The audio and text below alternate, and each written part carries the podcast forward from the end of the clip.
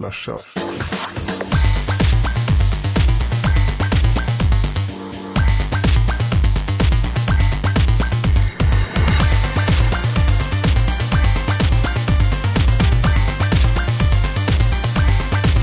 Slasha. Hej allihop och eh, hjärtligt välkomna till ännu ett avsnitt av Slashat. Eh, din machete i Teknikdjungeln avsnitt 86 med mig Jesper Söderlund och eh, med min gode vän Tommy Podsemski. Har du återhämtat dig från våran lilla visit i kungliga huvudstaden Tommy? Ah, det är lite sisådär med den punkten kan jag säga. För att det var... det- Alltså, det, vilken vecka Jeppe! Jag tror inte Epic på något sätt kan riktigt fylla upp vad vi upplevt den här helgen va? Ja, du får nog en trippla din Epic där tror jag, för det har varit en riktigt, riktigt bra helg. Och för er som inte förstår vad det är vi pratar om, hur man nu kan ha missat det, det vet jag inte. Men vi har ju faktiskt varit uppe i Stockholm på eh, Kistamässan och kollat in GameX, eh, Sveriges eh, första stora försök till en, en internationell eh, spelmässa. Eller spelevent vill de kalla det. De, har, de vill inte använda ordet mässa har jag faktiskt läst mig till under dagarna här. Av Har någon anledning. Har du läst på i förväg inför ämnet? Ja, lite. Lite? Ja, det får man. Ja, det är hemskt om vi skulle vara pålästa om någonting vi pratar om för en gångs skull. Det är riktigt så vi rullar. Har vi sagt att det är att vad vi gör här Jeppe? Det kanske inte behöver längre. Har vi kommit fram till det? Kan du sammanfatta det på tre ord? Teknik, nörderi, alkohol. Ja, skulle säga ni. Det funkar. Alltså, skulle säga ni. Precis som vi är inne på där så var alltså uppe den här veckan i Stockholm och på GameX.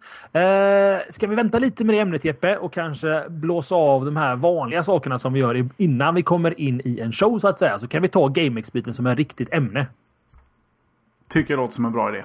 Fantastico! Då ska vi börja med att berätta att den 29 november, då jäklar, 27 menar jag när jag säger 29, 27 just november. Då, då, då blir det liv i luckan. Då händer det saker uppe i Jönköping.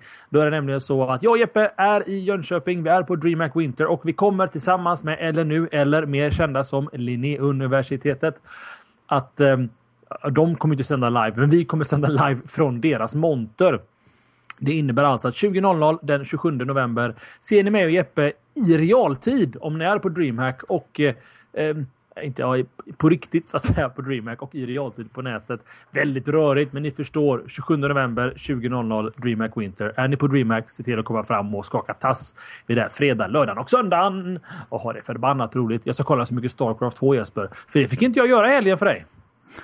Nej, Tommy han var på väg att fimpa meetupen för han var tvungen att se något, något stort ja, i, i Starcraft eller Spacecraft eller vad det nu heter sammanhang så var det väldigt stort. Men eh, vi, vi lyckades styra bort honom från det. Precis. Det var min bakfylla som kickade in där framåt eftermiddagen. Så jag var tvungen att sätta mig ner. Och om du inte hann att säga det så är det 20.00 som vi i alla fall i första hand har avsett vara vår stora main eh, livesändning på lördagen där. Sen finns det eventuellt eh, Eh, planer och idéer på att vi kanske inte riktigt kan hålla oss ifrån eh, sändarknappen tidigare under dagen. Men eh, då, då får man eh, hålla ett öga på Twitter kanske och sådär. Så, så får man se, kanske vi dyker upp eh, i livesändning av, eh, ja, av misstag. Det händer ju i bilen upp till GameX till exempel. Ja, Alltså, vi har gjort mycket nördiga grejer jag och Jesper, men att, att sända tre timmar livesändning från våran bilfärd från Göteborg till Stockholm. Det tog ju betydligt längre naturligtvis, men eh, det var alltså tre, tre timmar lyckades vi sända och som mest hade vi 37 pers som var inne och tittade på oss när vi drack öl i en bil, förutom Jeppe som körde. Vi andra drack öl. Det var, om vi inte har sagt det, det var jag, Jeppe, Magnus Jonasson och eh, Kottkrig, eller a.k.a. Eh, Kottfärs, som vi kallar han för under hela helgen. Köttkrig, kött- köttgrottan. Köttkrig. kottgrottan. ja, det är Johan. Kott, kottgrottan. Kottbärs. Kottlimpa. Mm. Vi hade väldigt kul i en alkoholstinn kväll där tillsammans ehm, på den röda båten. Det låter mycket värre än vad det var. Vi hade jätteroligt. Eh, ska du börja med förra veckans poll här Jeppe så kan vi ta veckans poll. För det glömde vi ju förra veckan Jesper. Ja, det är ju problemet när man eh, säger att okej, vi tar pollen eh, när det är dags för det ämnet och så kommer det ämnet en 45-50 minuter senare och man har liksom smuttat pilsner hela vägen bort dit och helt enkelt förträngt att den där pollen ska in. Men eh, det har ju faktiskt inte hindrat det från att, att eh, polla på som fasen på slashat.se för vi har gott underlag för veckans poll, Tommy. Och eh, det vi frågade var helt enkelt hur är 3G-täckningen hos dig? Och eh, resultatet eh, är ganska så jämnt i, i toppen här. Vi har okej på 38% och vi har bra på 36%. Eh, dålig på 22% och ingen alls på 4%. Um, ehm, vad hade du där ute Tommy? Ja, alltså jag har valt okej. Okay. För att den är okej. Okay. Den funkar. Den är inte top notch och den är inte bottom heller. Utan den är helt enkelt, som jag svarade, okej. Okay. Hur, hur, är det in, borta i Mölndal i Göteborg då? I Mölndal är det bra. Eh, här är det full eh, tuta på, på 3G-nätet, inga problem. Desto värre på min arbetsplats i närheten av Eriksberg som är ännu mer centralt. Eh, jag sitter i ett kontor som är en gammal ombyggd kvarn där de har murat med tio gånger för många sådana murbrickor. Så jag tror att, och så de, håller de på att renovera allt det där. Så de har ställt upp en stålställning runt hela byggnaden. Jag tror att den skärmar av lite. Så där, där är 3G-täckningen högst eh, tvivelaktig. Sketchy. Sketchy at best. At best. Fantastico. Och, och 38 procent tycker den är okej. Okay. 36 procent tycker den är bra. Som du sa, 22 procent på dålig där. Alltså, det, det, är ju väl ungefär runt 70 procent, 75 procent någonstans som tycker att den är okej okay och bra. Medan 22 procent har dålig 3G-täckning i Sverige. Då känns det kanske konstigt att gå på 4G om inte ens 3G sitter där den ska. Ja, nu har vi ju det är svårt att säga med det underlaget vi har här. Menar, vi har inte lyssnat i alla hörn av Sverige. Men att eh, 3 av 4 ändå har okej eller bra täckning. Det är ju ändå visar på att 3G ändå har kommit en bit på vägen. Sen eh, visst, det finns ju stora, stora slätter med väldigt få människor om man åker lite norrut och lite vänster. Eh, som kanske inte är hundraprocentigt prioriterade medan stockholmarna väldigt gärna vill ha 4G. Till exempel. Ja, även göteborgarna, speciellt där jag bor. Vi vill ha jättemycket 4G här ute i Camilla, Telia. Du skulle mm. aldrig överväga att byta ditt bredband mot ett 3G eh? Nej, oh gud nej. Inte någonstans i världen. Men det har ju bara med latency och pingtider att göra egentligen. Eh, spelar ju Starcraft 2 och annat smått och gott på nätet och det, det håller ju inte att köra på ett 3G-nät. Men som vi pratade om innan där, alltså för mammor och pappor och kanske folk som bara vill kolla mejlen och surfa lite så funkar ett 3G-nät ganska bra tycker jag.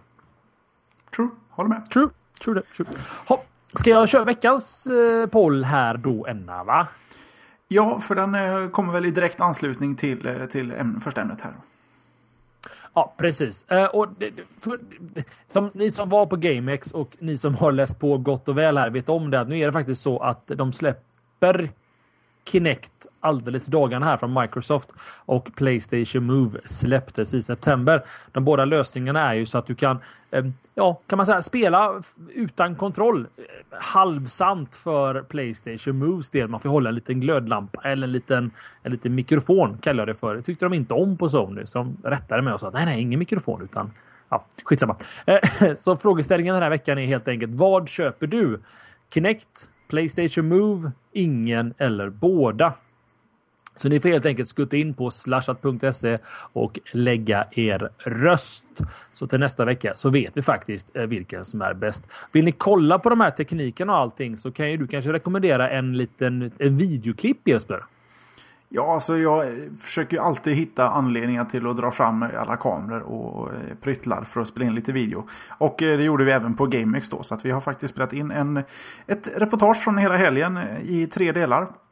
Som finns att hitta på slashat.tv. Där vi ja, intervjuar lite roligt folk på GameX. Och, ja, vi har dokumenterat egentligen hela resan från Göteborg tills ja, resan var över. Så att mm. Korrekt i mundo. Men och, den här pollen det är väl lite mer att ta tempen på vad, vad, folk, eh, eh, vad folk känner mest för så att säga.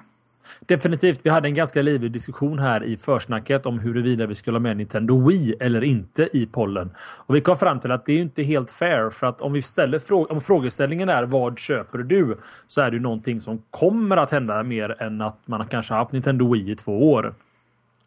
Så vi, vi valde att, att skippa Wii. Så ni som skickar hatbrev till oss på kontor, kontoret på, på redaktionen kan hoppa över det. För vi är medvetna om eh, Wii-problematiken. Men vi hoppar över den helt enkelt. Ja, det här är ändå två av tre av de här ja, Next Gen-konsolerna. Eh, och deras eh, nya kontroller helt enkelt. Och Wii har faktiskt inte presenterat några nya kontroller på senare tid. Eh, det är ju ändå långt över ett år sedan eh, den här Wii Motion Plus dök upp. Så att de får inte vara med. Det här är ändå, de här två, Kinect och Move, de, de försöker väl ändå slåss lite om samma folk. Yes. Antar jag. Ja, det, det, jag, jag, tror också det. Och nu har vi egentligen kommit in då i vårat, våran GameX-recension här. För mycket riktigt då så spelade vi kanske inte spelade så mycket Kinect och eh, Playstation Move utan mer dokumenterade hur det funkar och sånt där. Och jag tycker väl båda ser eh, intressanta ut. Om jag måste välja här och nu utan att egentligen... Alltså, det är som en mobiltelefon. Jag kan inte hålla i en telefon, leka med den i fem minuter och säga att det här var en bra mobiltelefon. Man måste liksom ha den i fickan i en vecka vara med om krångligheterna och vara med om det positiva med mobilen innan man faktiskt kan ha en vettig åsikt om den. Och då känner jag att kanske att man borde ha samma med Kinect och Playstation Move. Man behöver ha det hemma. Man behöver ha en fest med kompisarna där man dels dansar kanske i Dance Revolution på Kinecten. Eller om det var Dance Central. Dance Central. All right. Och man måste ha ja, en pingismatch med Sony Playstation Sports eller vad det heter på Playstation Move. Innan man riktigt vet hur du känner. Men om jag ska ta en magkänsla och utifrån vad jag såg så skulle jag nog säga att Kinecten kändes lite vassare, va? Ja, och det har ju mycket att göra med att Move ändå är... Om vi ska vara snälla och inte kalla det en kopia så alltså får vi väl åtminstone säga att de, de utvecklar ett koncept som någon annan redan har utvecklat helt enkelt och har något att vifta med i luften. Eh, precisionen ser betydligt mer precis ut och det, det man kan ju kalla det någon sorts Wiimote HD. Eh, den, den, ser ju mycket skarpare ut när man står och tittar på de här pingismatcherna när de kör med det. Så det är ju, de har ju verkligen dragit upp det där en, en ordentlig nivå. Men Kinect är å andra sidan helt nytt. Och eh, som prylnörd måste man nästan säga att eh, sån teknik är eh, det tickle my fancy så att säga. Ja, alltså detta är, detta är ju starten på någonting ganska revolutionerande inom spelvärlden. Um, inte för att byta från Kinect och Playstation Move, men vi satt faktiskt med KTH. KTH hade en monter på GameX där de gjorde, hade en demonstration, en speldemonstration av hur man kontrollerade spel med ögonen. Det byggde helt enkelt på att en kamera filmade mina ögon och så kalibrerade jag hur jag tittar och sen kunde jag spela Duck Hunt och genom att titta på ankan i Duck Hunten och trycka på space samtidigt så sköt jag ankan om, om jag tittade tillräckligt nära ankan. Det, det låter liksom ganska meningslöst idag, just exakt nu. Eh, men, men, men tänk dig faktiskt om eh, ett, ett, ett, eh, ett mediacenter som du styr med ögonen. Du tittar på saker och blinkar och så startar filmen till exempel. VM Robocop Duck Hunt säger någon i chatten här. Det var inte Robocop Duck Hunt. Men tänk lite utanför, utanför den vanliga sfären som man har. Och där tror jag faktiskt att jag är lite mer entusiastisk över just Kinect och Eh, Playstation Move. Hur jag skulle kunna styra mitt mediacenter. Att komma in och sätta mig, klappa med händerna. Shit, shitten startar, start, eh, sakerna startar. Eh, jag drar höger och vänster med handen för att kanske byta film och sånt där. Eh, så, så, det är jag entusiastisk över. Sen såg också Dance eh, Central väldigt, väldigt bra ut. Det såg rätt kul ut faktiskt, skutta runt där. Ja, jag gillar det konceptet att de ändå hade ställt scenen på ett sånt sätt att folk kunde gå bakom och runt bredvid utan att det störde. Vilket ändå visar på att den, den verkar ha koll på vad den sysslar med. Det var lite imponerande. För det känns annars som att Ord måste ställa upp den här på ett sätt så att inte saker kommer i vägen och, och stör signalen sådär. Men det var ju fruktansvärt mycket folk runt den här scenen som rörde sig hela tiden. Men den hade liksom bara ögon för den som dansar. Ja, precis. Och det kan ju nämnas som du, som du säger där, att förutom att de var bakom, vissa kom ju så väldigt nära det här podiet där folk stod och dansade. Så att man såg personerna. För det fanns en sekvens i Kinect-dansspelet där man hade freestyle. Då fick man dansa lite hur man ville. Då filmade kameran vad kameran såg. Sen visade kameran vad den såg på skärmen. Och då ser man ju folk i bakgrunden som rör sig, som lägger upp händerna och sånt där. Och Kinecten bara Ja, ja, ni är inte i fokus just nu. Så det, det imponerade på mig också, Jeppe. Det fanns en cool sak till också. För det här var ju massa dans, eh, ja, dansskoleelever som var där uppe och showade. Några stod ibland bredvid och dansade. Och när du dansar på skärmen så har du alltid folk bakom dig som dansar. Står du tillräckligt nära vid sidan om och gör en dans så styr du dem bakom som dansar. Så även när du inte är med och spelar så kan du stå och shaka i spelet vid sidan om. Det tyckte jag var lite fräckt. Samma som den funktionen som finns till eh, Lips till eh, 360. Så man börjar hamra på knapparna på fjärrkontrollen när någon står och sjunger. Så börjar man leka med uh, tamburiner och annat i musiken. Lite ja. samma tänk då. Underhålla det är alldeles utmärkt när man är många som spelar. Då kan ju de andra sysselsätta sig i väntan på att det är deras tur igen. Mm. Jag ser också att chatten här eh, och eh, nämner att det var Tobii, T-O-B-I-I, ett svenskt företag som pysslade just med ögontracking-teknologin genom KTH eller med KTH. Så de får sig en liten, liten, jag tänkte säga känga, det får de absolut inte. Att de får sig en liten plugg. För att tekniken imponerade på mig. Och jag menar, allt som kan göras enklare för oss som användare kanske när man, man, får bra röstkontroll på datasystem och man kan börja använda ögonen och händerna för att styra systemen så tror jag vi kommer få mycket, mycket revolutioner. Och kanske bara om tio år så kommer man att skratta åt det faktum att vi använder tangentbordet, använder musen liksom. Men ja, den som lever får se. Vi borde ju leva i det slaget Jesper. Ja. Vi kan också säga att i den här eh, lilla videoreporten vi har gjort från eh, GameX, jag tror i del 1 så ser man faktiskt Tommy testa det här med och, och eh, jag tror man skjuter änglar i den där Duck-Hunt-varianten. Ehm, där han och pangar med sina ögon, så kan man se det. Ja, precis. Och om vi inte har sagt det redan fem gånger så säger det en sjätte gång för vi älskar att upprepa oss i den här showen. Slashat.tv det är 45 minuter, jag och Jesper, våra goda vänner, lyssnare och massa, massa nördar på GameX. Ni, ni borde ha sett det i det här laget. Har ni inte gjort det så gör ni det efter showen är slut. Men om vi går in lite då Jeppe på kanske mer GameX överlag, eh, förutom då de båsen som fanns där. Vad var din vibb när du kom ut från GameX? Förutom att du var väldigt trött till fossingarna, vilket vi alla var. Men hur kände du i magen? Var detta något bra eller var det något mindre bra? Eller vad tyckte du? Jag tyckte att det, det, var alldeles utmärkt med tanke på vilka förutsättningar de har haft som, som en spelmässa som aldrig någonsin har ägt rum innan. Eh, det är ju såklart svårt att få de stora spelproducenterna att presentera kommande spel eller presentera nya eh, koncept och spel, eh, ja, vad heter det, serier och sånt mm. på, på mässor de inte vet om det har någon genomslagskraft. Och det är också förmodligen anledningen till att det var inte så där våldsamt mycket montrar där det presenterades saker som ska komma. Det var väldigt mycket som presenterades som precis har kommit. Eller som kommer vilken dag som helst. Till exempel Kinect i det här fallet. Eh, och, och, Black Ops och sådana där grejer. Men i övrigt så var det bara eh, en stor orgie att spela det senaste som finns där ute. Men eh, jag tror att eh, mässan var ändå så pass välbesökt och så pass välproducerad. Att det finns ingen anledning att tro att den inte skulle dyka upp nästa år. Och med lite tur så har den väl dragit till sig lite rykte om att faktiskt vara en, en, en spelare att komma ihåg eh, till nästa gång. Och då kanske man kan få de här eh, spelbolagen att faktiskt presentera lite saker som inte finns än. Liksom nästa, nästa stora grej de jobbar på. Det hade varit kul att se. Mm. Äh, det, det, är samma vibb från mitt håll här. Jag, alltså, mässan ur ett arrangemangssynvinkel var jättebra. Uh, vi var ju där som press förvisso, men uh, allt bara rullade bra. Liksom. Jag kände att uh, ljudvolymen var acceptabel där inne. Det var inte för varmt. Visst, klart, det är klart det är varmt. Det är klart det är hög volym när väldigt många människor är på samma ställe. Men det kändes ändå inom de acceptabla nivåerna. Um, kösystemen funkade jättebra. Det fanns mat överallt. Eh, eh, ur ett arrangemangssynvinkel var jag supernöjd med GameX och det är Kistamässan själva som producerar den. Jag är övertygad om att den kommer tillbaka nästa år. Eh, sen är jag inne på Jeppes spår också där. Eh, men det, det, det förefaller sig kanske ganska naturligt att det är första gången man skickar inte det värsta man har. I bästa fall så är det så bra att Microsoft, Blizzard, alla de här vet om att nästa år kommer Kinect till Sverige. Det är i november. Då håller vi kanske på en release eller vi tidigare lägger en release. Vi kanske fixar ett nytt demo av ett spel som kommer i januari för att presentera den på GameX. För det är egentligen så E3 funkar. Ehm, de stora spelbolagen egentligen utgår från E3 och eh, det finns en till uh, mässa. Vilken är Jesper? Stora spelmässor. E3 och CBT, ja precis. Att man planerar att spelen ska släppas runt de här eller precis efter för att kunna promota så mycket som möjligt. Black Ops i det här avseendet var ju väldigt, väldigt exakt i det. För att, och det kan man också se egentligen att Black Ops släpps idag, tisdagen den 9 november. Mässan var 4, 5, 6, 7. Man kunde spela Black Ops på mässan och det var kö till Black Ops. Vi snackar alltså timvis med kö för att få spela det här spelet i 10 minuter.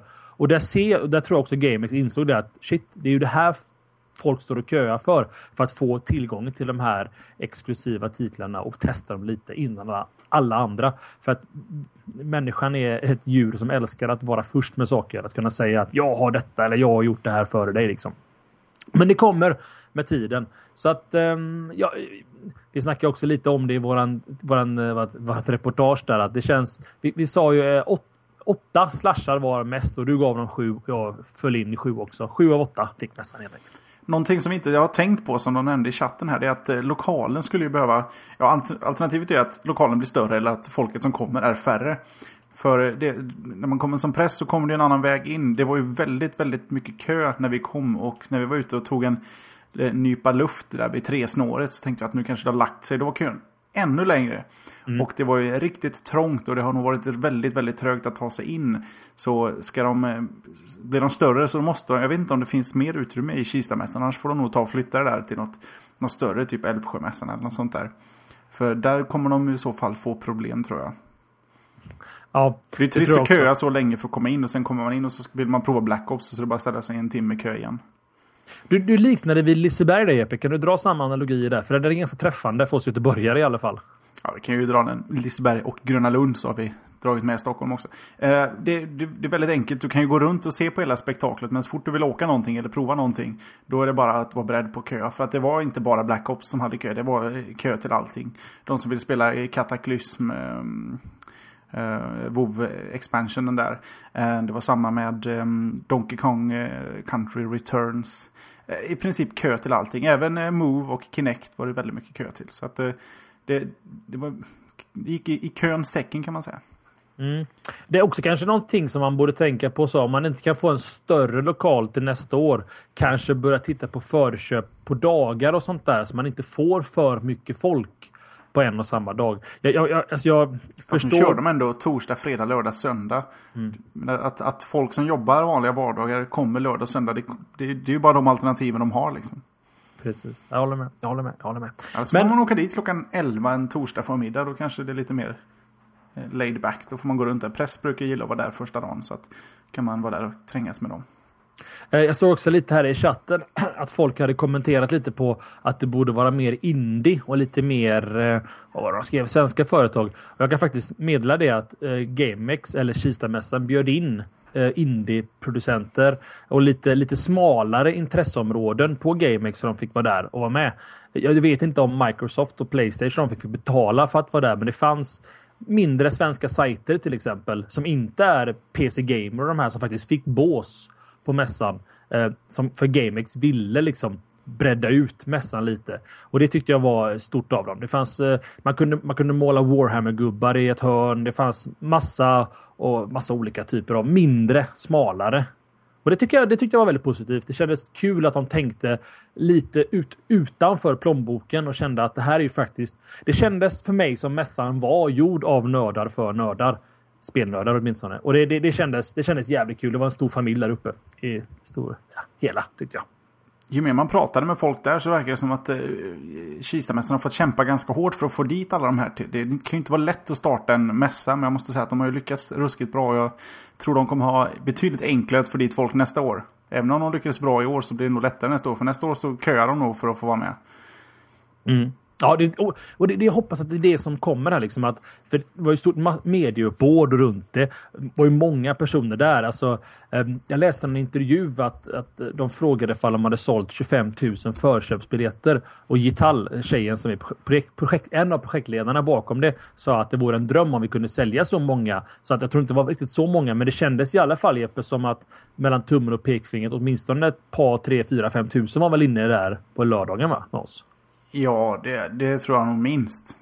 Så att, jag menar, slår man upp dem så kanske... Ah, vi, ska inte, vi ska inte spekulera hur många siffror det var, men det kändes som att de kunde inte få in mer i det avseendet. Och då måste det väl vara en succé om man inte har prisat det alldeles, alldeles galet.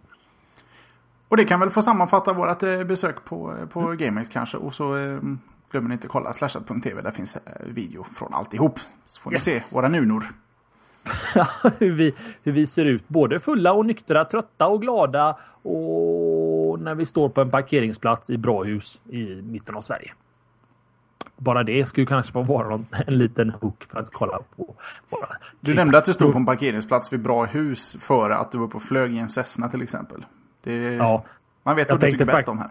Ja, ja det, alltså om, när du ändå öppnade den Bag of Funnen så måste jag ju faktiskt ge en stor publik shoutout till Almestad eller Emil Almestad, at Almestad på Twitter. För att han var så fantastiskt underbar att skicka upp mig och Kottkrig ett Cessna-plan över Stockholm. Det, det var 500 meter upp i luften, det var 200 km i timmen och det var fantastisk söndag. Det var klarblå himmel och vi såg stora delar av Stockholm. I 45 minuter var vi uppe och flög och det, det finns också med i klippet. Um, och det, det, var en upplevelse för livet faktiskt. Vilken grej. Uh, jag har bara flugit i kommersiella flygplan innan. Man får sitta så. Det var också lite, lite nervöst. Um, Men jag måste säga att, att Emil var, han var rock solid. Han var lugnet själv och eh, auktoritär något så in i bänken när han snackade med centraltornet på Bromma och allting. Man kände att den här killen, han kommer landa oss alldeles utmärkt. Och mycket riktigt, en perfekt landning och sen så var vi hemma igen. Så att, eh, stort tack till dig Emil. Eh, och jag menar någonstans, jag hade inte suttit i det planet och inte vore för slashat och det känns ju faktiskt väldigt kul att, att man får tillbaka lite för jobbet man lägger ner. Så tack. Var det bra så? Det var bra så. Ja, var bra så. Ska vi kanske ha en show också eller? Eller klart, vi har ju en show i allra högsta grad. Ämne menar jag. Ämne, det låter bra. Bra, sir. Ska vi säga att jag börjar i och med att du faktiskt eh, öppnade GameX-burken? Ja, du har fler ämnen än mig också, så att, kör du. Då kör vi. Jag måste, innan vi går in på mina ämnen så måste jag be lite om ursäkt för att det, handlar, det blir väldigt mycket Google idag. Det brukar vara Google när jag är med, men alla mina ämnen har en Google-anknytning. Jag ber om ursäkt för detta, men jag tror att alla ämnen är så pass viktiga att de faktiskt på något sätt, ni ser, ni ser förbi det här Google fanboardet. För det första ämnet jag har från Google, eller för ikväll åtminstone, det är att Google har släppt en modul till Apache. En modul som gör att ja, Techworld skriver att webben blir 50% snabbare. Hmm. Lägger det åt sidan och pratar lite mer om att de har gjort en cachningsmodul för Apache. Ehm, den heter Mod Page Speed och vad som gör att den är väldigt intressant det är att den i, i, i snitt enligt Google själva kommer snabba upp laddningstiderna på sidor med 50% Och häng med på detta. Alltså det här kommer ske på serversidan att laddningstiderna snabbas upp. Ehm, och det innebär att det kommer gå betydligt fortare för oss som faktiskt laddar ner innehållet sen. Vad modulen gör är att den tittar på innehållet eh, som gör optimeringar för att sänka laddtiderna. Till exempel ett speciellt cachningssystem. Eh, ett bra exempel som Google själva tar upp det är att ehm, eh, livslängden på bilder eller cache expire är längre på logotyper. För att den här modulen kan identifiera att detta är en logga. Loggan på en sajt lär väl inte ändras varje dag och då vet den om att jag behöver inte kolla efter en ny version för den här. Uh, och som vanligt i Googles lilla värld så är det såklart öppen källkod för detta. Um, den enda begränsningen är ju då att den funkar endast för Apache. Eller Apache. Uh, den här webbservern. Uh, men det, det, det, det, är inte, det är inte att säga lite för att Apache står nämligen för ungefär 70% av alla världens sajter idag enligt Netcraft. GoDaddy har redan sagt att eh, ja, men, vi kommer skutta över till den här och aktivera den här på alla våra sajter ganska omgående.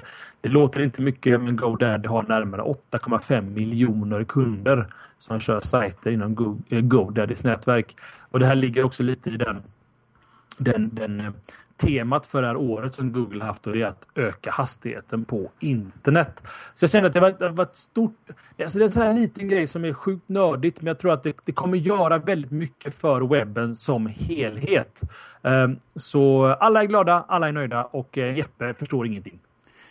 Ja, jo, jag är med på det. Det, det är kanske inte kommer i kontakt med Apache sådär våldsamt ofta. Men det, det, har ju faktiskt hänt när man installerar eh, lokala eh, servers och sånt där för att testa webbsidor innan de åker upp och sådär. Men eh, generellt så säger de inte sådär jättemycket. Men allt på nätet som är snabbare än det som fanns innan är ju att det är ju föredömligt. Så ska det ju vara.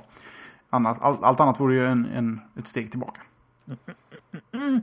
mm, mm. Visst är det så. Och det är inte så mycket diskussionsunderlag för det här ämnet utan det kändes bara som att, eh, precis som du säger, allt, allt som gör allt bättre är bättre. Och som vanligt öppen källkod så folk smartare än Google, om det nu skulle finnas, kommer att ta den här källkoden och förmodligen modda över den till eh, eh heter den Light eh, HTTPL.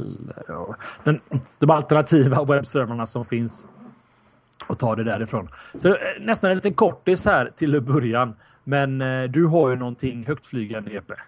Jag har ju det, om möjligtvis också en kortis. Men det handlar om eh, Israel som håller på att starta ett sms-varningssystem för missiler. Det är väl ingenting vi ser dyka upp i Sverige och det närmaste.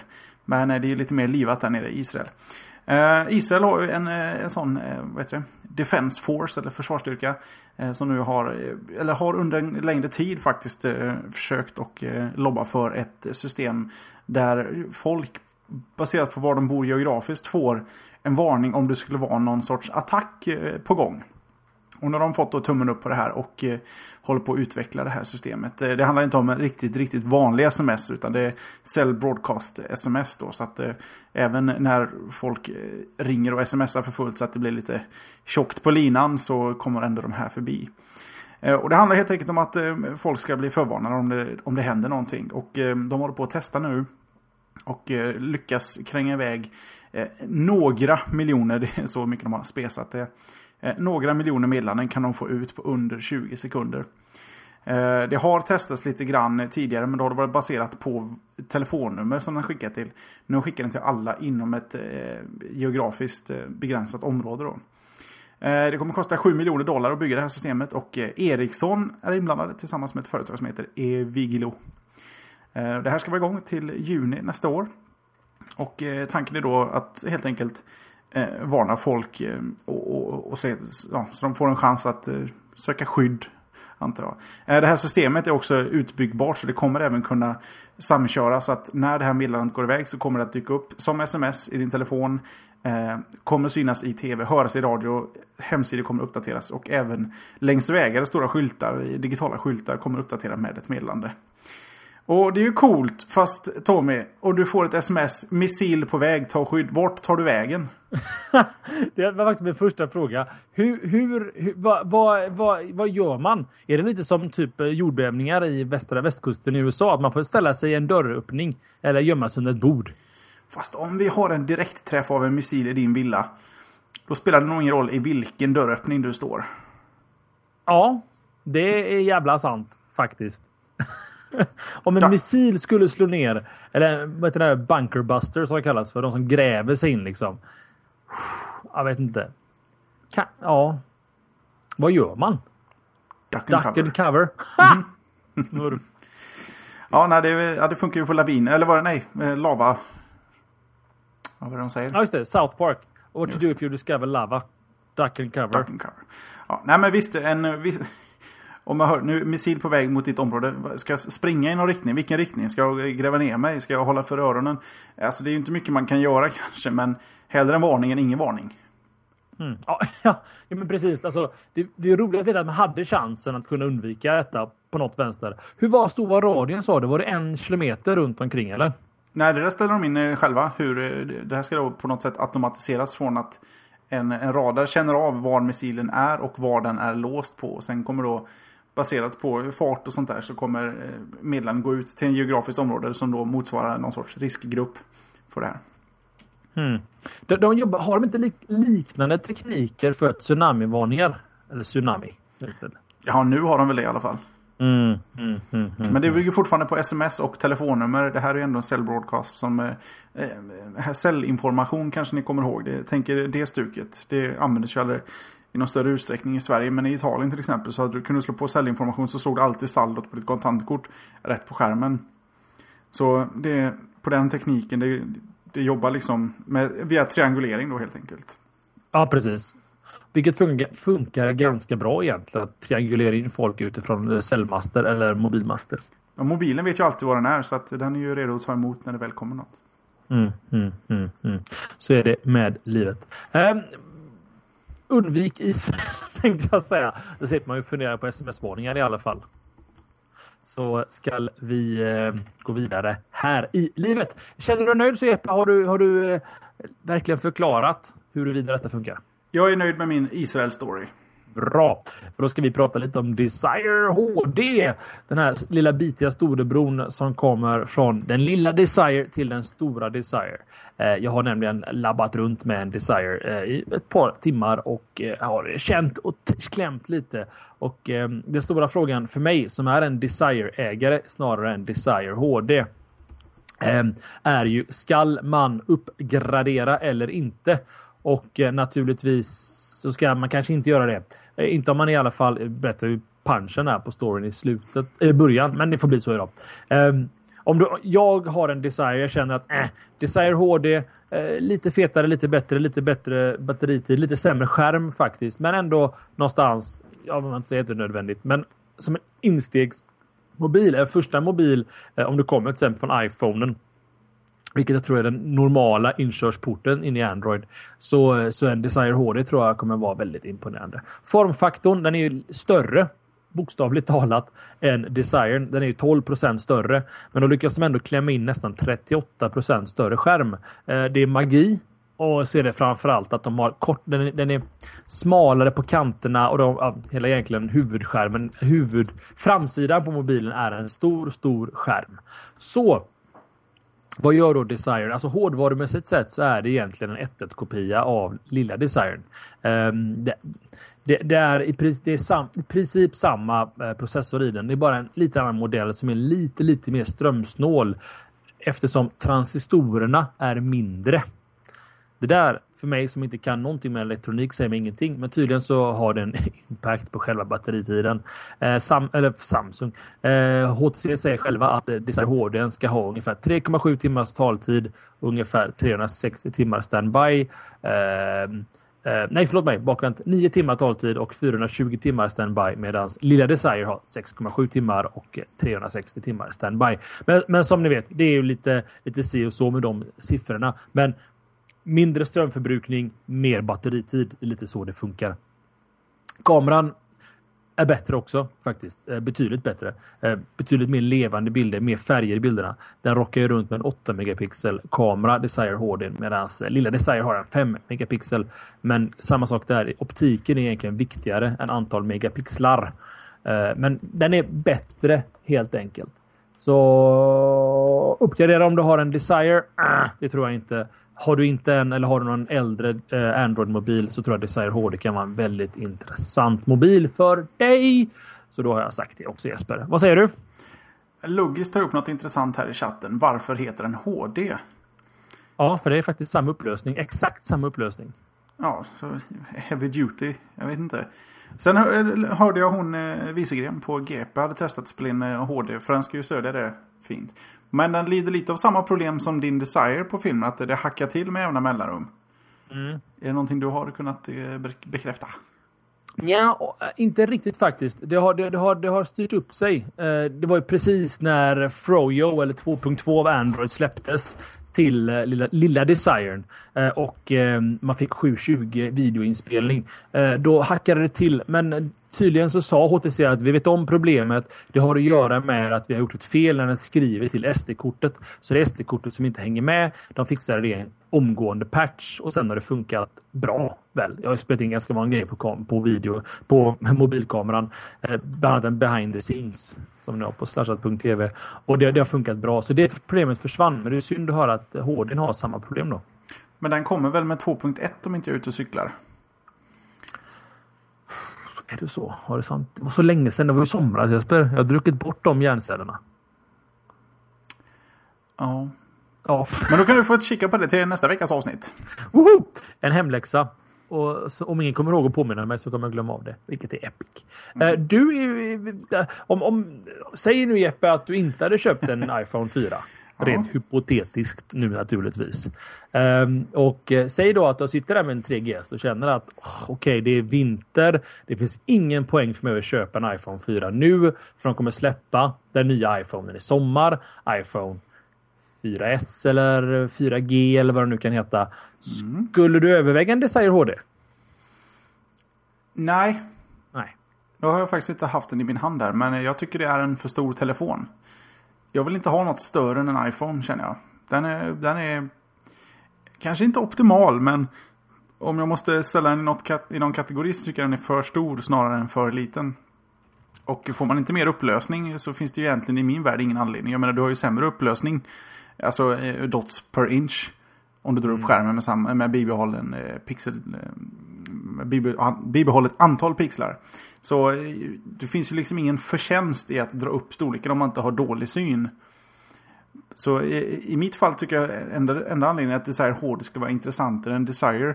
Det är om, om all annan hårdvara i den hade blivit så mycket bättre. Men det känns inte som den har blivit så mycket bättre. De har finslipat lite. Men om, eh, om jag skulle få välja idag. Om jag måste välja en Desire så hade jag nog valt vanliga Desiren. Mm. Okay, så att säga, för... jag har inte hållit en HD. Men jag, jag tycker din Desire har lagom storlek. Ja, det, det, har den. Det kan vi förvisso hålla med om. Den, den har en, en, en vettig, en, en, en bra formfaktor. Eh, jag trodde jag skulle tycka att eh, Desire HD var för stor. Men nej, det, det, när man väl har suttit med den en stund så känns snarare lilla Desired för liten. Så... Eh, som jag skriver i min, i min, slutkläm på den här lilla ja, förhandstiteln eller lilla känna på-varianten här. Eh, gå till en butik och känn på storleken. För att, eh, som flickan sa. För att den är på något sätt stor. Hur går det med skrivandet Jeppe? Ja, jag knappar på här. När vi ändå pratar Android så kan jag passa på att nämna att eh, du och Kottkrig satt ju i baksätet här och snackade gula och blåa på vägen hem. Eh, från, eh, från GameX här. Där eh, Kottkrig snackade om, eh, om eh, Tasker, ett program. Och det gjorde mig jävligt intresserad av, av Android. Nästan enbart med eh, möjligheten att kunna koppla ihop saker precis på alla möjliga sätt. Så att Fan, det vore kul att ha en Android och bara testa. Alltså vi snackade ta en Android och köra i två, tre månader. Och sen eh, se om suget efter en iPhone finns kvar. Som vi kan kalla det någon sorts eh, hypotetiskt... Eh, ja, ett långtidstest på något sätt. Mm. Mm, vi får se, vi kanske får lösa det där på något sätt. Vi ber dem i chatten här motstå frestelsen. Eh, ja, vi får se. Ja, nej, alltså nu öppnar du Pandoras box där och då måste jag faktiskt prata lite om Tasker. Eh, Tasker är, precis som Jeppe var inne på där, det är alltså eh, en crontab för verkligheten. Eh, det är Linux-terminologi. Men vad, vad, det betyder är att, eh, eh att man att man man, man, kan, man kan få telefonen att göra saker genom att vara i närheten av områden. Locale hette ett program som gjorde detta innan. Tarsk är lite, lite vassare enligt Kottkrig eller Köttfärs. Kottfärs som är vår Android-expert. Men vad det handlar om är att jag kan alltså skapa regler i telefonen så att um, om min telefon ser mitt hemma wifi så kan den göra saker i telefonen. Till exempel när jag kommer hem så ser mobilen att oh, Tommy är i närheten av sitt wifi så den skickar en Wake On LAN till min dator så min dator botar upp innan jag satt nyckeln i dörren hemma. Samtidigt som det här händer så skickar mobilen en ping upp till G-Talk att Tommy är hemma så mina vänner ser vart jag är någonstans på G-Talk samtidigt som den loggar in på Goala och säger att nu är jag hemma om man nu skulle vilja det. Um, och det schyssta med Tasker och det jag tror att som Jeppe varför han nördcreamar lite i bilen där var just för att Nördcreama låter jävligt äckligt. det gör det faktiskt. Jag ber om ursäkt för det uttrycket. Men, men vad det är är att det finns inga begränsningar på vad du kan göra med din mobil om när du har Tasker. Och det låter sjukt, men om man börjar tänka på det och kolla runt vad andra människor har gjort som tittar lite utanför eh, den här lilla boxen som vi har. Eh, någon person hade kommit på det här att hmm, om, om man använder Tasker så kan man ju faktiskt om jag mejlar till Tasker och skriver sms i subjektraden mellanslaget telefonnummer så ett meddelande så kan man ha en process i Tasker som läser av alla mejl som kommer in. Hittar den det mejlet med ordet sms i så gör den ett sms av det och skickar smset från telefonen. Um, en annan sak som jag har gjort är att alla mejl, alla sms som kommer in läser Tasker av och skickar till mig till min Gmail. Så jag har offsite sms backup. Och det här gör jag ingenting. Telefonen gör ingenting heller. För att, ska vi inte gå in på kodterminologi, men den skickar alltså event eller händelser i systemet. Så den hela tiden kan hålla koll på vad som händer. Det tar väldigt lite batteri. Ännu coolare är att den kan hålla koll på vilka cellton du är nära. Så den kan alltså veta vilka, att, vilka tre torn jag har runt mig som jag brukar vara. Och Då känner de att okej, okay, Tommy är i närheten av hemmet. Tommy kommer behöva wifi för han är snart hemma. Så den kickar igång wifi i telefonen för att jag är i närheten av mitt hem. Ni ser, alltså det, det, finns inga begränsningar. Klart det finns begränsningar. Det finns väldigt Alltså hjärnan sätter mer stopp för vad man kan göra här. En annan kul grej som någon annan hade gjort det var att eh, också om man har en bluetooth-docka i, i bilen till exempel. Så om, telefonen känner att den är i en bluetooth-docka men inte är i närheten av hemmanätet, hemma-wifi, så är jag förmodligen i bilen. Så då går den in i car mode. Och vad car mode innebär är att varje gång du får ett sms så läser den upp sms för dig och spelar upp bilstereon. Och allt du gör är att sätta in mobilen i en bluetooth-docka i bilen. Jag är en nörd. Det här ticklar alla fancies jag har i min lilla kropp. Men... Och till och med mig som, som konsument. Ja, du, du, är ju producent och jag konsument har vi kommit fram till. Men eh. Kottkrig visade ju en schysst sak där på krogen också. eh, Första gången han tog upp det under, under helgen. När han sa att om jag stoppar i mitt, eh, mitt headset så får jag upp en ruta med de olika programmen som kan spela upp musik. Tyckte Mm. jag, ja, fan vad nice. Så kan du välja om du vill in i Spotify, eh, Groove Shark eller om du vill in i musikspelaren i, i telefonen. Så, och det är inte, man, man frågar honom där, ja, men kan man göra, göra det då? Så alla frågor man ställde fick man bara svaret ja. Så jag tyckte okej, men om du pluggar in ett, ett eh, istället för ett par hörlurar, att du pluggar in ett headset. Kan du få att den poppar upp eh, kontaktboken så att du kan välja en kontakt för att du kanske kopplar in den här för att ringa. Ja visst, blipp, blipp, blipp, blipp. Stoppar i headsetet så dyker upp kontaktlistan liksom. Eh, det är riktigt nice och det verkar liksom ett sånt där allt i allo-program. Det, det är nästan så här svårt att både förklara vad det är och ens... Fanta, alltså det är ju bara fantasin som sätter gränser och, och det gör det nästan lite svårt att komma på coola saker om vad man kan göra med det. För det finns så mycket möjligheter. Och det tyckte jag var, lät riktigt jäkla nice alltså, det måste jag erkänna. Ja, precis. Alltså, sen har man också de här enkla sakerna som att jag ställt in så att mellan eh, 19.30 Förlåt mig, jag har lite bubblig i magen här. 19.30 på tisdagar och 22.00 så är min telefon mutad. Varje tisdag. För jag vet om att jag spelar in slashat då. Varje kväll mellan 22.00 och 06.00 så går min telefon ner i tyst mode. För att eh, jag vill inte bli störd på natten när det ringer. Ehm, ja, ännu en gång. Det är som en Swiss Army Knife för en mobiltelefon. Jag kan göra vad Fabian som helst. Och, och, och sen också naturligtvis, det, det finns ju säkert liknande till jailbreaker iPhone. Så jag vi ska inte göra det här till en iPhone mot Android-grej liksom. Det är inte det jag är ute efter.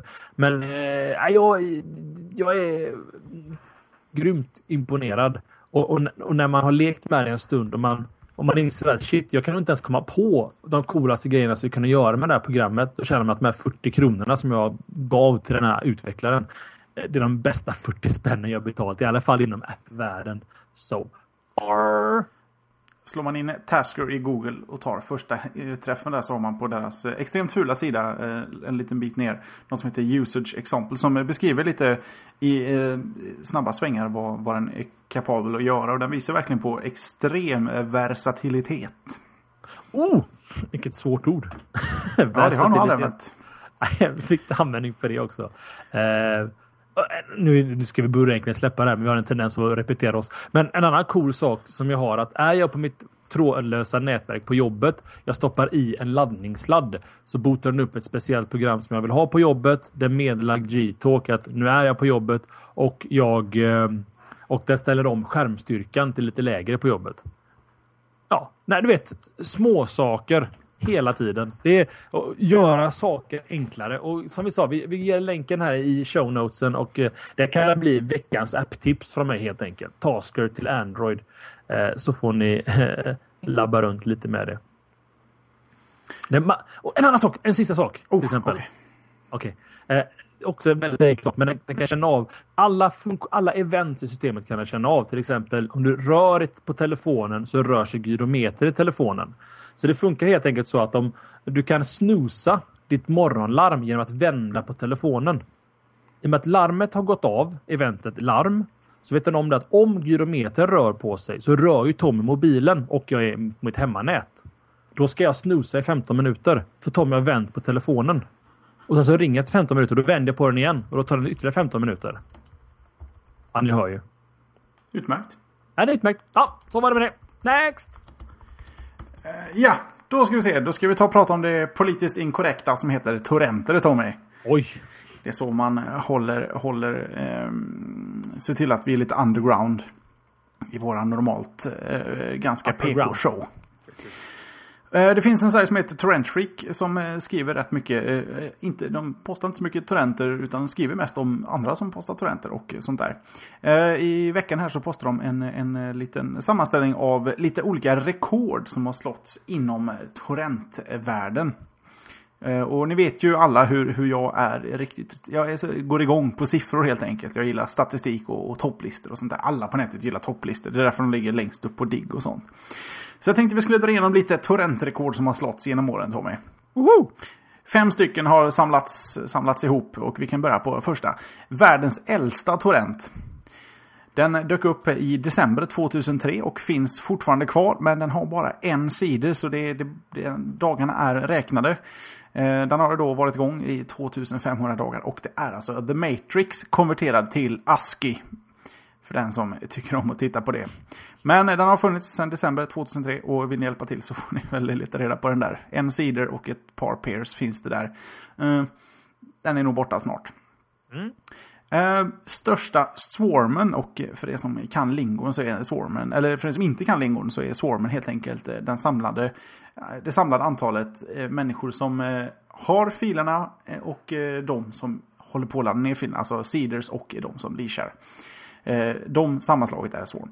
Eh, den torrenten som har haft flest i samma swarm var eh, tv-serien Heroes, säsong 3, avsnitt 1. När det dök upp så hade de en total swarm på 144 663 personer samtidigt. Eh, om det där var på en sida och resten som eh, var peers, då lär det ha tagit en stund att få, få hem det där för allihop. Men eh, den leder by far den eh, biten. Punkt 3. Flest filer i en torrent. Och det är Magic Workstation. Det är alltså en eh, sökbar databas över Magic the Gathering-kort. Den är åtta månader gammal och eh, cirka 4 gig stor, så den är inte så stor. Men den innehåller 35 256 filer. Finns så, det så många kort eller typ, är det även med bilder och sånt där också? Eller? Jag är ledsen, jag har inte laddat ner den Tommy. Jag kan inte svara på det. Men eh, i och med att det handlar om Magic så antar jag att all möjlig info finns där. Så det är säkert väldigt många olika filer för varje kort som avhandlas. Men vad vet jag, det kanske finns 35 256 kort. Mm. Största mängden data som överförts, det är Starcraft 2. För det spelet är på 7,19 gigabyte. Och eh, den laddades ner när den dök upp på nätet 2,3 eh, miljoner gånger. Och det resulterar helt enkelt i 15,77 petabytes. Och för er som inte kan räkna peta så kan vi dra ner det till terabytes. Och då blir det ungefär 16, lite drygt 16 000 terabyte. Nu är det i och för sig så att Blizzard säljer Starcraft digitalt. Och, eh, men de redovisar inte, och de använder BitTorrent för att distribuera. Men de redovisar tyvärr ingen statistik. Så eventuellt så har Blizzard tagit det rekordet själva. Det kan man väl nästan utgå ifrån. Nu kan jag vara lite ärlig här. Ja. Med att jag laddar ner Starcraft 2 illegalt. Och du är Vad säger dum du? grej att säga på radio va? Ja, det är inget bra. Ha! Men är det nämligen som så här va? Att tack vare min underbart goda vän eh, Köttgrottan där. Eller Kottgrottan. Eh, kottkrig naturligtvis. Mm. Så, eh, så fick jag sju timmar gratis Starcraft 2 av honom. Han sa att här sju timmar. Och istället, och så det gick så jäkla slött att ladda ner från Blizzard. Så jag gick till en av de här mindre godkända sajterna att hänga på och drog hem spelet därifrån. Inte crack, inget crack, ingenting. Utan installerade precis som om det vore att jag hade CD-skivorna. Och sen så la jag in den här sju timmars gratiskoden. Och kopplade det till mitt eh, Battlenet-konto. Och efter 6,5 timmar så gick jag iväg till butiken och köpte spelet. Och bara skrev in koden. Jag har inte ens stoppat in den CD-skivan eller DVDn som följer med spelet. Utan Ja, här, ser ni ju faktiskt hur, hur, hur inte bara torrenttekniker utan även illegala torrentsajter faktiskt kan göra någonting gott. Jag köpte spelet tack vare eh, att jag kunde ladda ner det gratis. Nu i och för sig crackade jag inte spelet på något sätt. Jag fick ju en sju timmars eh, gratiskod.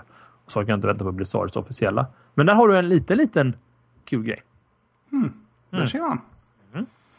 Om vi går på femte rekordet då som är världens största torrent. Eh, och eh, det har funnits ett par genom åren här. Till exempel eh, i år så hade vi alla fotbollsmatcher i VM. Den torrenten var på 746 gigabyte. Det var ungefär 6 gigabyte per halvlek utav alla matcher. Och även geocities.com som har gått i graven finns att ladda ner som en enda stor fil. Eh, jag har inte exakta siffror på den, men den är också eh, dryga 700 gigabyte. Men nu har det dykt upp en, ny torrent som, eh, kvalar, eller som simmar in, seglar in på 790 gigabyte. Och den innehåller lossless-musik.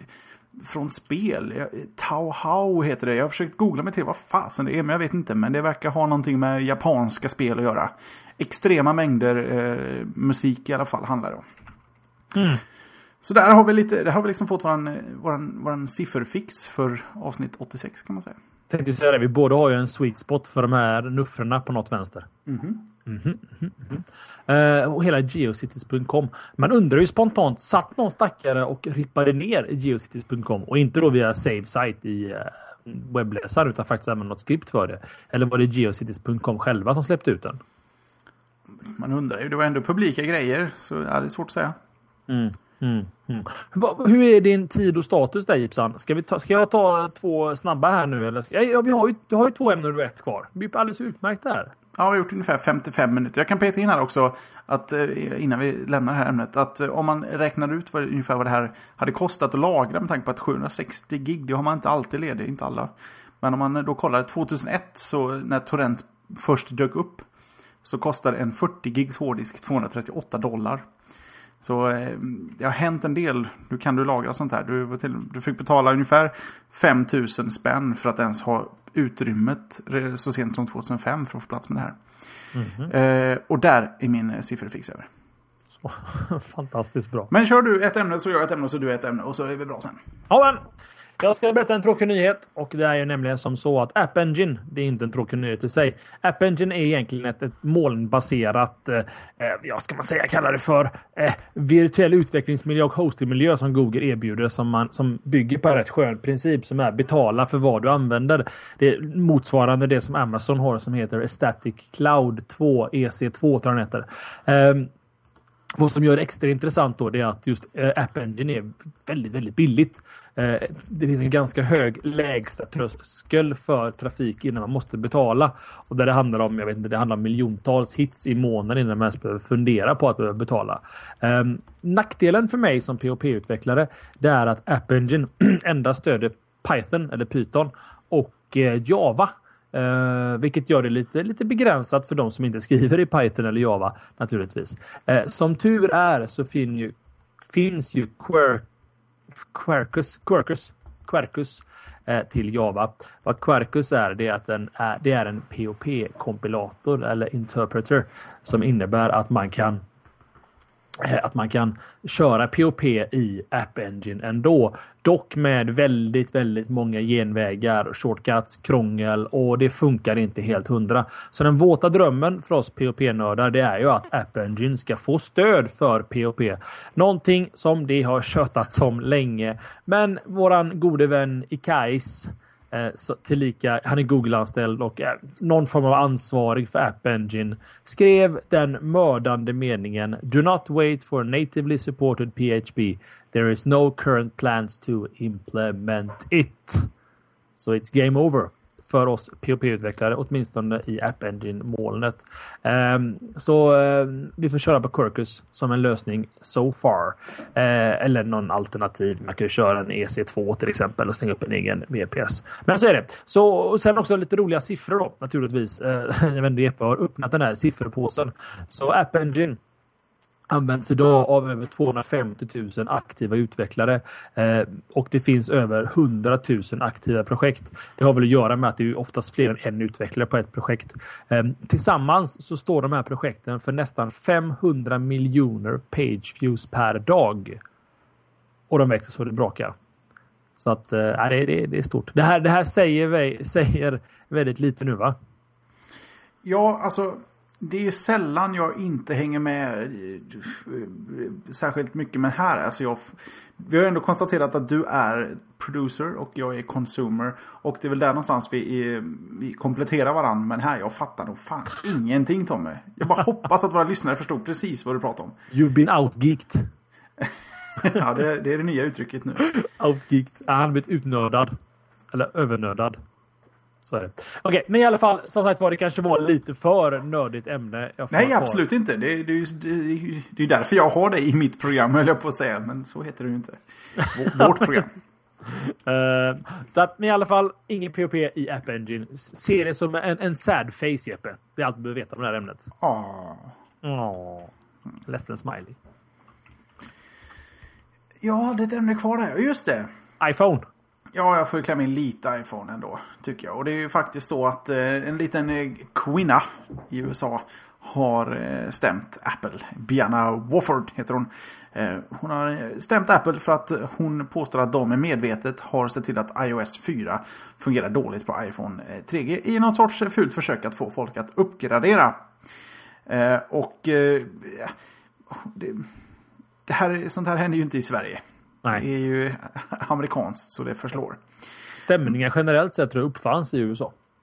Lite så. Jag tänker på filmen eh, Interstate 60. När de kommer till en by där alla är eh, advokater. Och du bryter mot... De har lagt fram en lag.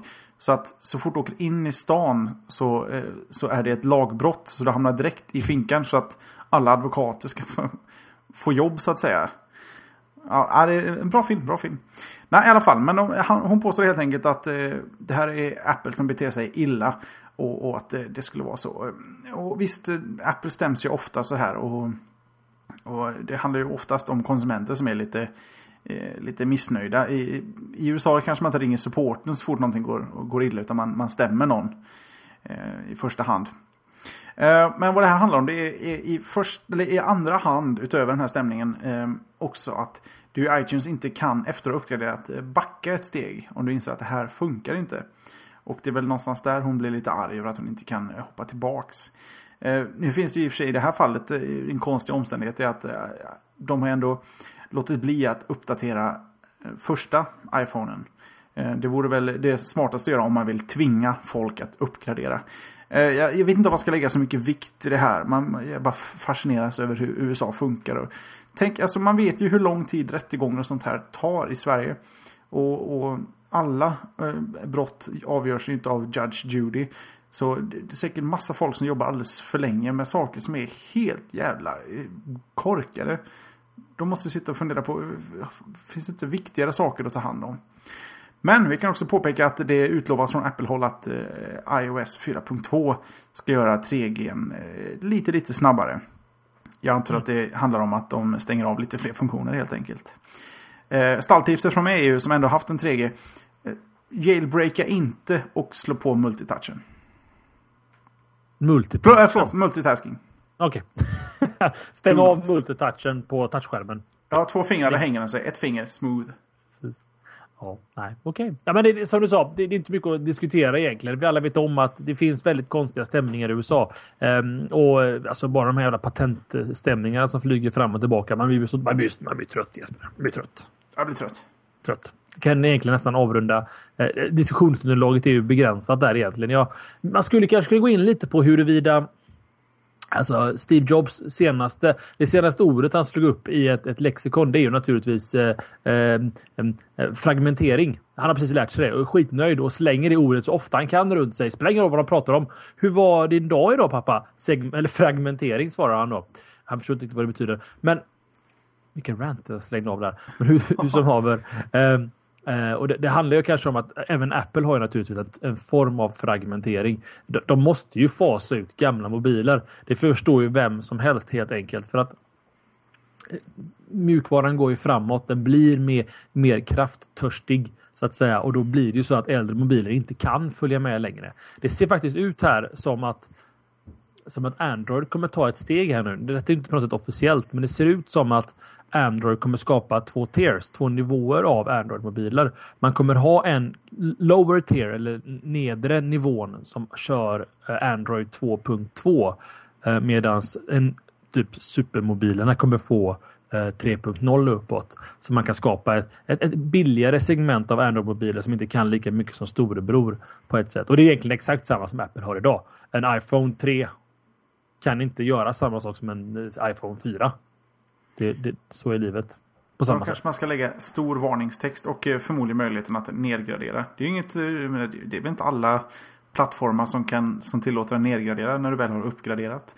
Men det hade ju varit eh, schysst för att slippa den här sortens stämningar. Och visst, man kan ju inte stödja all hårdvara i, i all framtid. Och, och att Android håller på att dela på sig, det känns väl naturligt. De, de väljer väl att gå high-end-vägen med ena delen.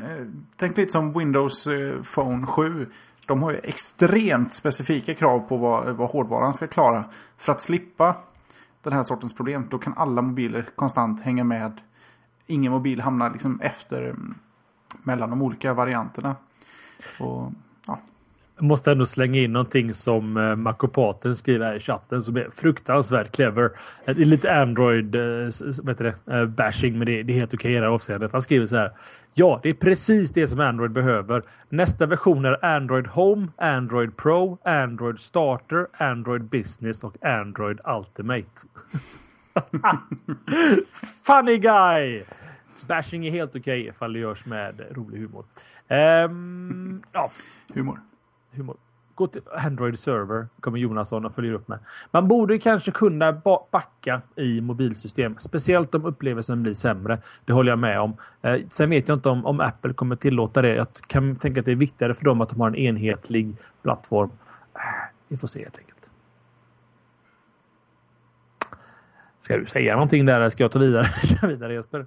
Jag tänkte se hur länge kan vi hålla konstpausen utan att det blir sådär pinsamt så att någon måste säga någonting. You lost! I lost! Då får jag betala första ölen efter showen. För vi ska prata, ja precis, om vi ska prata som ett sista ämne. Det är inget roligt ämne. Det handlar om, eh, om invasioner. Men det görs ju jävligt roligt när Nicaragua alltså landet Nicaraguas eh, armé bara dundrar in på Costa Ricas eh, mark i tron om att de är på nicaraguanskt territorium. Men Eh, nu är det som så att den här officeraren som skötte den här invasionen inom eh, fnuttfnuttar helt enkelt använde Google Maps och Google Maps var inte exakt. Så när de här soldaterna från Nicaragua skuttade in på vad de trodde var hemmaland. Då var de egentligen i Costa Rica. Och enligt, enligt alla lagar, regler och förordningar så är det en invasion de gjorde och tryckte upp sin egen flagga på Costa Ricas mark. Lyckligtvis så eh, anföll inte Costa Rica tillbaka utan man på något sätt såg väl det här som att detta var ett ärligt misstag. Eh, och det, ja, eh, det är Wired som rapporterar historien. Eh, och ja, officeraren i Nicaragua menade, hävdar bestämt att det kan inte vara mitt fel om jag använder Google Maps för att på något sätt se hur vi ska, hur våra trupper ska röra sig. Och värt att säga att Costa Rica och Nicaragua har ju inget otalt mellan sig på något vänster. Ehm, Google säger att det finns ett fel i den kartan. Vi ska fixa det. Och Charlie Hale som är någon eh, geopolitisk analytiker, vad det innebär, förmodligen så drar han linjen i det här jävla programmet. Säger att kartografi är komplext och gränserna ändras alltid. Vad som gör den här storyn lite, lite tråkig är ju naturligtvis då att eh, Bing Maps, det vill säga Mo Microsofts motsvarighet till Google, har ritat kartan korrekt. Så att eh, IP, ska du invadera Norge anytime zone eller ska du flytta trupper anytime zone i Sverige så kan du väl undvika bara att, eh, att pyssla med Google Maps. Det här är en så konstig story va?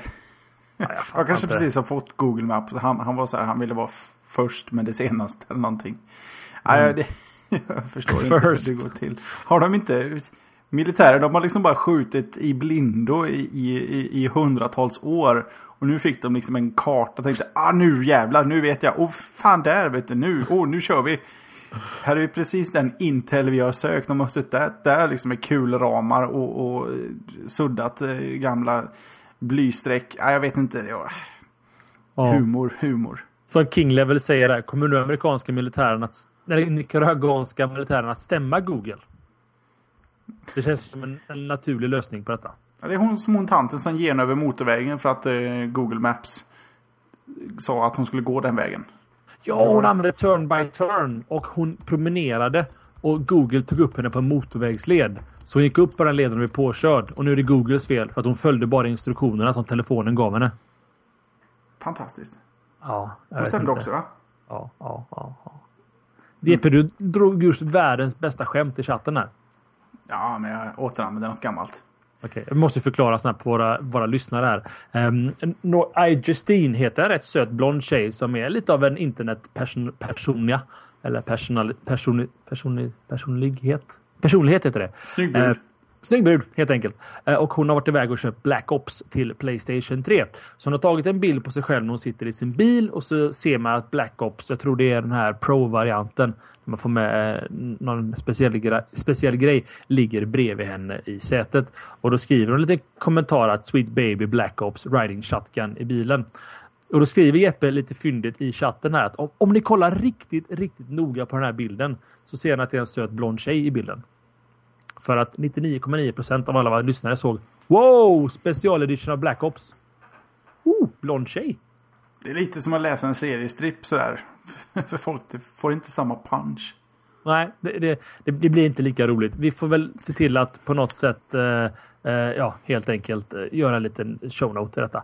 Sen kan jag meddela också att, att den här, de kallar jag tror det kallas för Prestige-utgåva av de här spelen. Modern Warfare så fick du med riktiga mörkerseende kikare. I den här versionen så är det tydligen en liten, en liten eh, vad heter de? fyrhjuling. En liten jeep. Med, med kamera och grejer i va? Ja, du kunde också du kunde åka runt och filma med den och grejer. Mm. Ja. Crazy, Ja. Jag har ju helt enkelt. Eh, det kanske räcker så. Ja, men det känns ju så. Va? Vi har ändå eh, stämplat in på en, mm, en timme, sju minuter. Mhm, Det är inte illa. Ska vi ta och ranta lite? Ja, ska jag berätta först att jag låg i diket idag med bilen? Ja, om du känner att det har eh, tech-podcast-kvalitet så... eh, Ja, men. Ja, jag, lyssnade means. på, jag lyssnade på eh, Androiden samtidigt som detta hände. Ja, jag har ju lite Peugeot 107 va? Eh, och så snöade den och så in i bänken idag i Västsverige. Så skulle jag gå upp för en backe och det gick inte så bra. Jag började glida och så var jag nära ner ett stup så jag valde att gå ner i diket istället. Så var det med det. Du får ju hänga på fyrhjulsdrift på den här bilen. Ja, jag får göra det. En liten person med fyrhjulsdrift. Ja, det gick lite sådär för mitt lag. Jag fick gå ut och sanda och putta och dona och ett jävla hallaballå. Men någonting positivt händer när det börjar snöa. Förutom då att allting bara går åt helvete så blir medtrafikanter sjukt snälla och börjar hjälpas åt väldigt, väldigt mycket. För man tänker att det där kunde varit jag om jag hade en person 107 i snöväder. Så de tutade inte och blinkade och hötte med näven och kastade glödande kan du- fimpar på det och så. Ja, precis. Det vore sjukt elakt att kasta en glödande fimp på de som har fastnat i diket. Ja, men är man i vägen så är man i vägen. Ja. Djungelns lag Man på också vägarna. vara, man ska också vara i vägen när man är ute och kör Jesper. Rant? Ja, lite. Bring it. Slashat.se är ju vårat hem. Sex dagar i veckan. Den sjunde är det live.slashat.se. För det är där vi finns när vi sänder eh, liveinspelningen live-inspelningen av den här podcasten. 19.30 börjar försnacket. 20.00 börjar själva inspelningen av programmet. Och eh, dryga timmen efter det så drar vi igång med eftersnacket. Något vi ska börja med här om bara ett par minuter. Är man en talför människa så ska man ta sig till forum.slashat.se där man antingen ställer frågor om sånt man inte kan eller hjälper folk som eh, ställer frågor om saker de inte kan. Det är vårt teknikforum som eh, frodas och eh, lever gott. Vill man följa oss på Twitter så finns vi på twitter.com slashat där vi presenterar allt som har med slashat att göra. Man kan följa oss privat. Du hittar Tommy på twitter.com tomminu och det är T-O-M-M-I-E-N-U. Tommy utan Y, in med I-E. Jag finns på en ny Twitter-adress faktiskt. Eh, på twitter.com jesperse och det är Jesper med ett Z. Vi bloggar ju lite på vår fritid också. Eh, vissa av oss ibland på arbetstid. Men eh, Tommy hittar man på podsemski.se och det är E Jag finns på jesper.se och det är Jesper med Z där också. Är man en Facebook-knarkare så finns vi på facebook.com slashat och eh, glöm för allt i världen inte våra fina videoreports, speciellt den från GameX som finns på slashat.tv. Mm. Mer än så behöver man inte säga Jesper egentligen.